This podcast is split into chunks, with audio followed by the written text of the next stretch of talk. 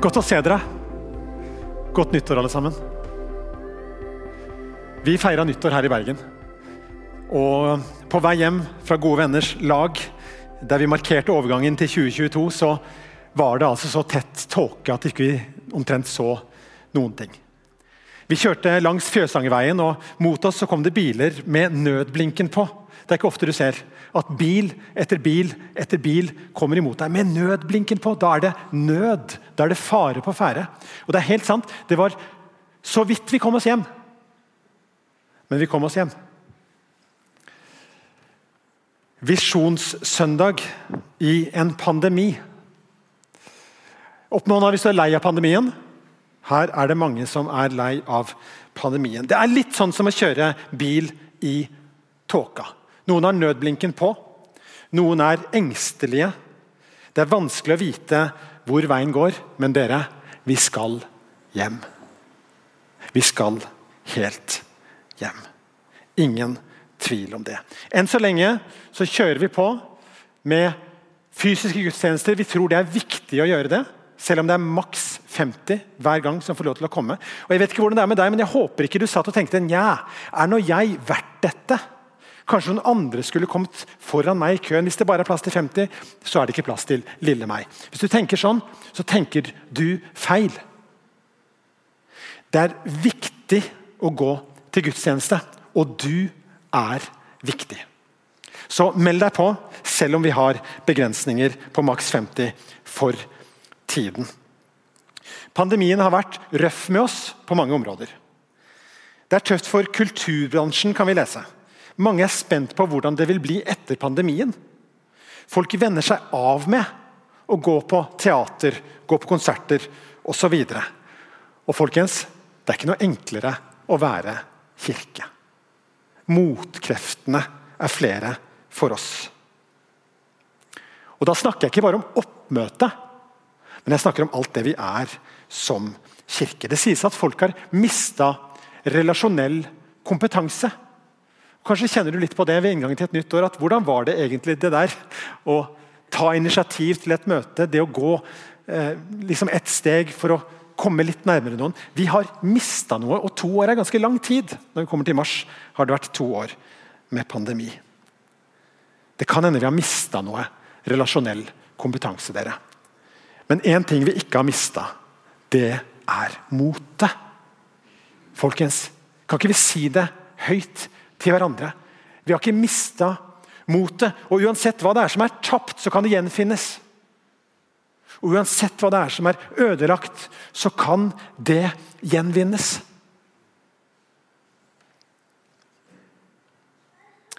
Men vi, det kan hende vi trenger litt ekstra hjelp. Det kan hende jeg trenger litt ekstra hjelp. Det kan hende du trenger litt ekstra hjelp. Kan vi se litt til hverandre? I denne tiden, sånn at vi kommer helt hjem. Selv om det er tåke. Det halvåret som ligger foran, så har jeg tatt et initiativ overfor Eldsterådet, og jeg har fått de med meg på det. og det er at vi skal, vi skal bruke en god del tid i bønn. Så jeg tenker sånn at Vi skal invitere Søndagsskolen til å be, og vi skal invitere Superfredag til å be, og vi skal invitere Next Level til å be, og, og G19 her på Kronstad, G17 på Sandviken, G11. Vi skal invitere alle fellesskapene våre til å be, til å lytte til Gud. Hva er det for denne tiden du har på hjertet? For vi kan legge planer, og vi kan produsere strategier og vi kan, vi kan lage fine formuleringer. Men hva er det Gud ønsker for oss som fellesskap? Og for denne byen?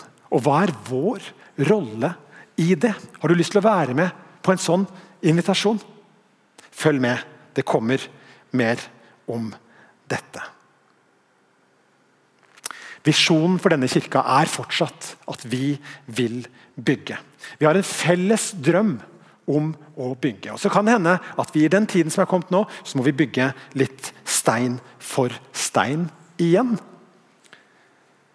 Hva skal vi bygge? En hensiktsdrevet og voksende kirke der mennesker utfordres til et liv i etterfølgelse av Jesus, og sammen gjør han kjent i vår verden.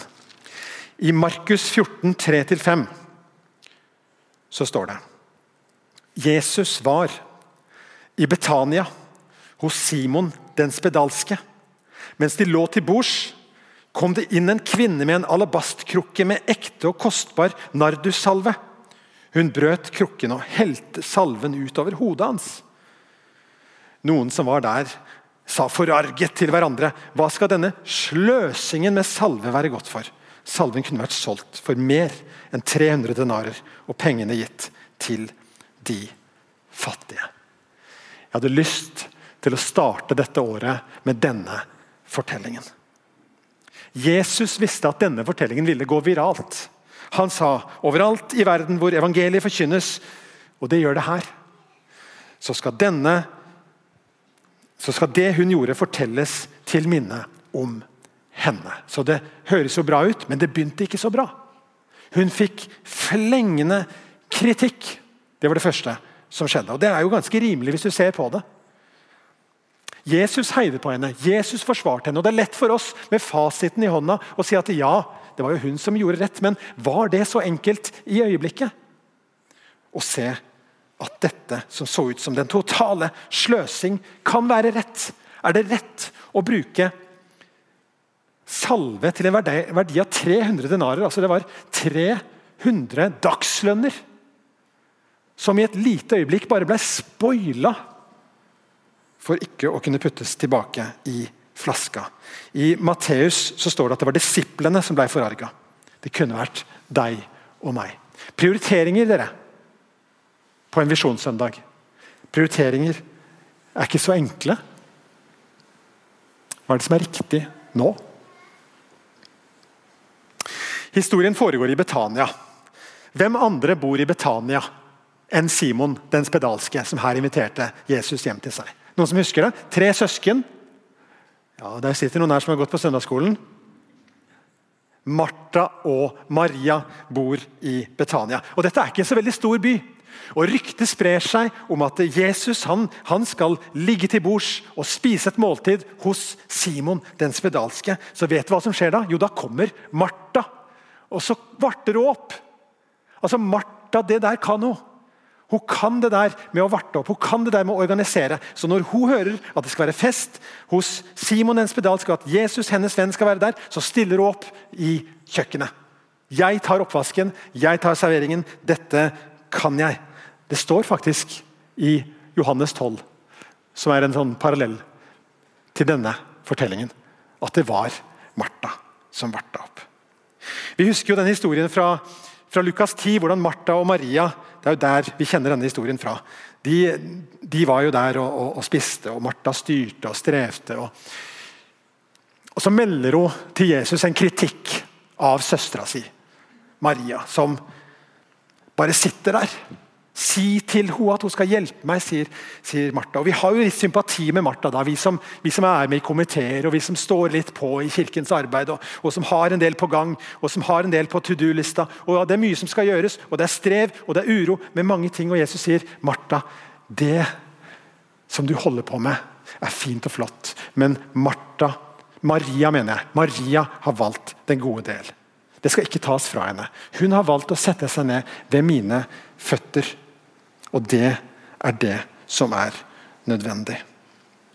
Og her hos Simon den spedalske, når Martha har meldt seg til oppvasktjeneste og servering denne dagen, hvem er det som buser inn i selskapet og er enda mer vill enn den Maria som sitter ved Jesu føtter, enda det var ting som skulle gjøres? Jo, det er Maria som dukker opp her òg. Jeg syns det er litt morsomt med sånne parallellfortellinger som vi kan finne i Johannes 12. Det avsløres at denne navnløse kvinnen vi leser om i Markus 14, det er Maria. Ingen ringere enn. Og hva gjør hun denne gangen? Hun setter seg ikke ned ved Jesu føtter og lytter til hans ord. Men hun tar med seg det dyreste hun har, en alabastkrukke full av nardussalve. og Så tar hun den med seg og så knekker hun den. og Det er ikke skrukork på den, så når den knekkes, så er den ødelagt. og Det som helles ut av den, kan ikke helles tilbake. og Hun spoiler over Jesu hode en salve til en verdi av 300 dagslønner. Og Jesus sier det der var bra. Det der var bra rett. Når ble det rett? Når ble det rett å sløse? Svaret er at kjærligheten sløser. Kjærligheten sløser. I Bergen frikirke har vi fem hensikter, og en av de er lidenskapelig tilbedelse. Jeg vet ikke om noen tekst i Det nye testamentet som viser så godt hva lidenskapelig tilbedelse er, som nettopp denne fortellingen. Og Vår kjærlighet til Gud begynner ikke med vår kjærlighet til Gud, men vår kjærlighet til Gud begynner med hans kjærlighet til oss. Er du klar over denne morgenen hvor elska du er av Gud? Hvordan han gir deg full oppmerksomhet fra sin høye himmel. Han ser på deg med varme, han ser på deg med et blikk som jeg håper smelter hjertet ditt. Han gir deg sin fulle oppmerksomhet. Han elsker deg denne morgenen. Guds kjærlighet er fullkommen. Gud har en agapekjærlighet. Det er en kjærlighet som er en sånn selvoppofrende kjærlighet som gir uten å forvente noe tilbake. Fordi Gud er fullkommen, så kan han ikke elske deg litt. Fordi Gud er fullkommen, så kan han ikke elske deg med en sånn 'hvis du leverer, så skal jeg elske deg'. Nei, han elsker deg uten å forvente noe tilbake. Han bare elsker deg. Jeg har en eh, hadde en 500-lapp her. Det har jeg fortsatt. Denne her, Det er jo egentlig bare en papirlapp, men det er en papirlapp som vi har blitt enige om at har en verdi på 500 kroner. Og Det betyr at nå har jeg 500 kroner. Og Når jeg har 500 kroner, så kan jeg gjøre en transaksjon, en byttehandel, som gjør at jeg kan få noe som har en verdi som har minst 500 kroner som verdi. Eh, la oss si det er en bukse. La oss si jeg går i en butikk, jeg vet ikke hva buksene koster for tiden. Kjøper ikke klær. Men eh, hvis du går til en butikk, så kan du får en bukse for 500 kroner. Og Hvis den buksa er verdt minst 500 kroner for meg som jo eier denne 500-lappen, så kjøper jeg den. Og La oss si den er nedsatt fra 1000, da kan vi gjøre et kupp. ikke sant? Og så er vi kjempefornøyd, for den er verdt enda mer enn 500 kroner. Og jeg gir 500 kroner, og så får jeg den. Og Den eneste grunnen til at jeg er villig til å gi 500 kroner, det er at den buksa eller hva det nå skulle være, den har en verdi som er minst det for meg. Hvis den er en lusen og slitt og dårlig bukse og uten kvalitet, så gidder jeg ikke å bruke 500 kroner på den. Når du og jeg folkens, skal finne ut hva som er vår verdi, så nytter det ikke å se på hva de andre sier om oss. Eller hvor mange likes vi har på Facebook. Og Det nytter ikke å se heller på hva vi klarer å produsere, hva vi klarer å gi, hva vi klarer å gjøre. Men skal du og jeg finne ut hva som er vår verdi, så må vi forsøke å finne ut hva er det noen har vært villig til å betale for oss. Og hva er det Gud i himmelen har vært villig til å betale for deg? Jesus. For så høyt elsket Gud verden at han ga sin sønn. Den høyeste prisen som tenkes kunne for noen ting av det skapte. Den, hans egen dyrebare sønn, den legger han på bordet. Fordi at din verdi er høyere enn det. Ser du hvor stor kjærlighet han har elska deg med? Hvis du ikke var verdt det, så ville han ikke betalt prisen. Men han betalte den, og han gjorde det for deg. Det er den kjærligheten han elsker deg med. Og det var dette Maria hadde skjønt. Maria hadde skjønt hvem Jesus var. Så En gang så satte hun seg ned ved hans føtter for å lytte til hans ord. For det å lytte til hans ord det vil jo være en enorm gave til henne for i hennes relasjon med han som elsker henne. Finn ut mer. Og når hun hørte denne dagen at Jesus var i byen, så tok hun det dyreste hun hadde, ofra det på han. Jesus. Og Jesus sier til henne, og Jesus sier til disiplene som kommer kritikk mot henne, og Jesus sier til oss dette her er riktig bruk av ressurser. Hun hadde skjønt hvem Jesus var, og hun hadde blitt møtt av hans kjærlighet. Om ganske kort tid Maria, så skal jeg gi alt for deg på korset. Noen kaller det sløsing. Jeg kaller det kjærlighet. Maria hadde skjønt hvem Jesus var, og nå vil hun gi noe tilbake til ham. Så hun sløser tilbake. Og Det hadde jeg lyst til å starte på denne litt kalde januardagen, beklager det, med din og min relasjon til Jesus. For det er der det begynner. Så når vi skal ta disse samtalene om pandemiens virkninger, når vi skal ta disse samtalene om hva det er å være kirke i dag, og når vi skal ta disse samtalene om å gjenvinne den relasjonelle kompetansen, så la oss snakke sammen om relasjonen vår til Jesus. Det begynner der.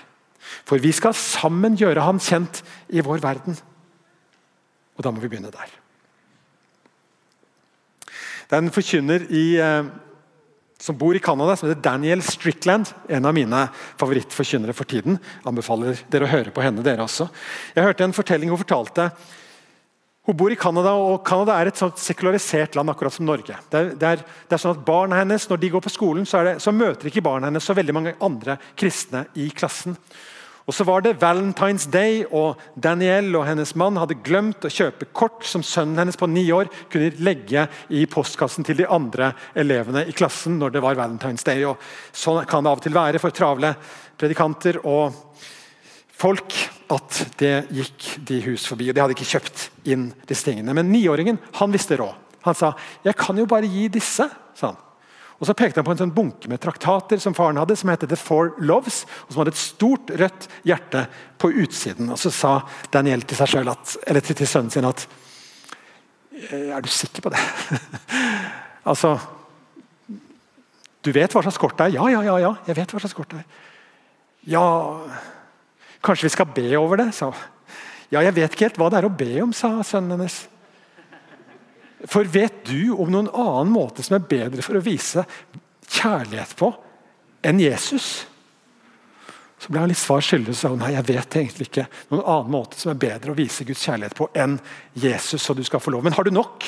Har du, har du et kort til hver i klassen? For Regelen er jo at hvis man skal gi Valentine's Day-kort, så må man gi det til alle. Ja, ja, jeg har ordna alt det der, sa sønnen på ni år. Og labba av gårde og delte ut Valentine's Day-kort på sin måte. Så gikk det en uke. Så var det foreldresamtale.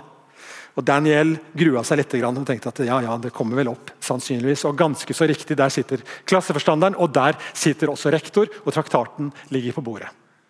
Rektor ser henne inn i øynene og sier er det din idé eller er det din sønns idé å dele ut disse kortene her på Valentine's Day. Og hun sier jeg prøvde å snakke han bort fra det. For det gjorde hun jo. Men han stilte meg et så godt spørsmål som jeg ikke klarte å svare på. Han stilte meg spørsmålet vet du om noen måte som er bedre til å vise Guds kjærlighet på enn Jesus. Og Da ga jeg han lov. Så Så så opp på rektoren og så sa vet du noen bedre måte å vise Guds kjærlighet på enn Jesus. Og Så måtte rektoren riste på hodet og sa at han visste ikke det, han heller. Og Så kom hun unna med det, og så var saken grei. Jeg vet ikke hvordan du har tenkt å dele Guds kjærlighet med dine venner denne våren. Jeg vet ikke hvem du ber for for tiden. Hvis vi har mista all relasjonell kompetanse, så har vi vel kanskje ingen vi vitner for eller evangeliserer for eller, eller viser Guds kjærlighet til på utsiden av vår egen kohort. Jeg vet ikke hvordan det er. Men er det noen som du tenker på, så kommer vi til å ha noe alfakurs. Og Den beste måten å invitere til alfakurs på, det er å si at jeg skal. Jeg skal på et kurs. Vil du være med? Og Verden over så har det vist seg at det funker. Og Vi kommer til å gjøre dette kjempebra. Vi kommer til å ha fantastisk mat og vi kommer til å ha gode samtaler hvor det er lov å stille alle mulige slags spørsmål. Og Undervisningen kommer til å bli veldig veldig bra. Vi kommer til å kjøre bl.a. undervisning som Nikki Gumbel sjøl har spilt inn med illustrasjoner og vitnesbyrd fra folk som har blitt frelst gjennom alfakurs, og folk der ute som har vært kriminelle og sittet i fengsel og møtt Jesus, og som forteller sin historie rett inn i skjermen. Og vi skal sitte der sammen med våre venner. Så utfordringen er hermed gitt for dette halvåret også til deg. Vi har fem hensikter i denne menigheten. Vi snakker om lidenskapelig tilbedelse, og jeg har sagt litt om det i dag. Vi snakker om inkluderende fellesskap, og trofast tjeneste, og daglig vekst og vennskapsevangelisering. Og I alt dette her så starter det med Guds hjerte. Det starter med en Gud som elsker, og som er desperat i sin søken etter deg og meg. Han er i gjenvinningsbransjen. Han plukker opp det som opplever seg sjøl som søppel, og han plukker opp det som er ødelagt, og så setter han det på en pidestall og så sier han dette er det mest verdifulle som fins i dette skapte som jeg har skapt. Så er det ikke noe som er mer verdifullt, og jeg tar faktisk noe som jeg ikke har skapt, og det er min sønn, noe som er mye mer verdt. Og så sier jeg at jeg legger han i potten for å berge, for å kjøpe fri denne skapningen. Den formen for kjærlighetssløsing hadde jeg lyst til å begynne denne visjonssøndagen med. Så Denne høsten så skal vi kaste bort tid med bønn og lovsang. Vi gjorde det forrige halvår. Vi skal sløse noen tirsdagskvelder nå, ikke onsdagskvelder, noen tirsdagskvelder, tre stykker av de denne våren. Så skal vi komme sammen her på tvers av fellesskap for bare å ha bønn og lovsang. Og noen sier er det riktig å sløse sånn med kirkens midler? Å ha folk som har øvd på sanger, og stå her og synge og synge og synge. Og jeg kaller det kjærlighet. Så det skal vi gjøre, og du er invitert. Det blir gudstjenester i år.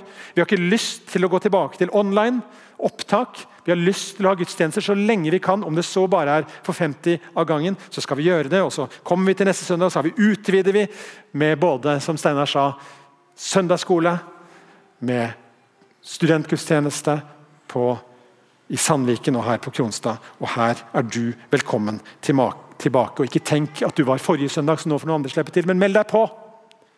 For du er viktig, og gudstjenester er viktig. La oss be. Herre Jesus, når eh, Paulus ber for efeserne som var i en trengt situasjon og som hadde tøffe utfordringer der, der hvor de sto, så ba han ikke imot de ytre, krevende omstendighetene, men han ba for deres indre liv. Han ba om at de måtte få en åpenbaringsånd til kunnskap om deg. At de måtte få se dybden og bredden og lengden av din kjærlighet. Og at de kunne få vokse i sitt indre menneske. Og Det er min bønn for Bergen frikirke også. For de små og for oss store. At eh, vi kan ha en sånn indre styrke, at vi kan ha en sånn indre kraft som er større enn kraften som kommer fra utsiden, og som er krevende. Og motkreftene som forsøker å dra oss bort fra deg. Herre, vi raker oss sammen som glør. Og så ber vi deg om å puste inn i denne ilden og så ber vi deg om å puste liv inn i oss som menighet. Slik at vi kan stå opp mot motkreftene og si at vi er ikke motløse. Vi har ikke gitt opp. Vi vil fortsatt være kirke, selv om det er tøft akkurat nå. Og så må du vise oss hva det er du har for oss, og hva det er du kaller oss til i denne byen. For en tid som denne. Takk for din enorme kjærlighet til meg og til hver enkelt som har hørt meg nå. For din enorme kjærlighet til de som ikke går i kirken. Og så ber jeg om at vi skal få lov til å være en del av din plan.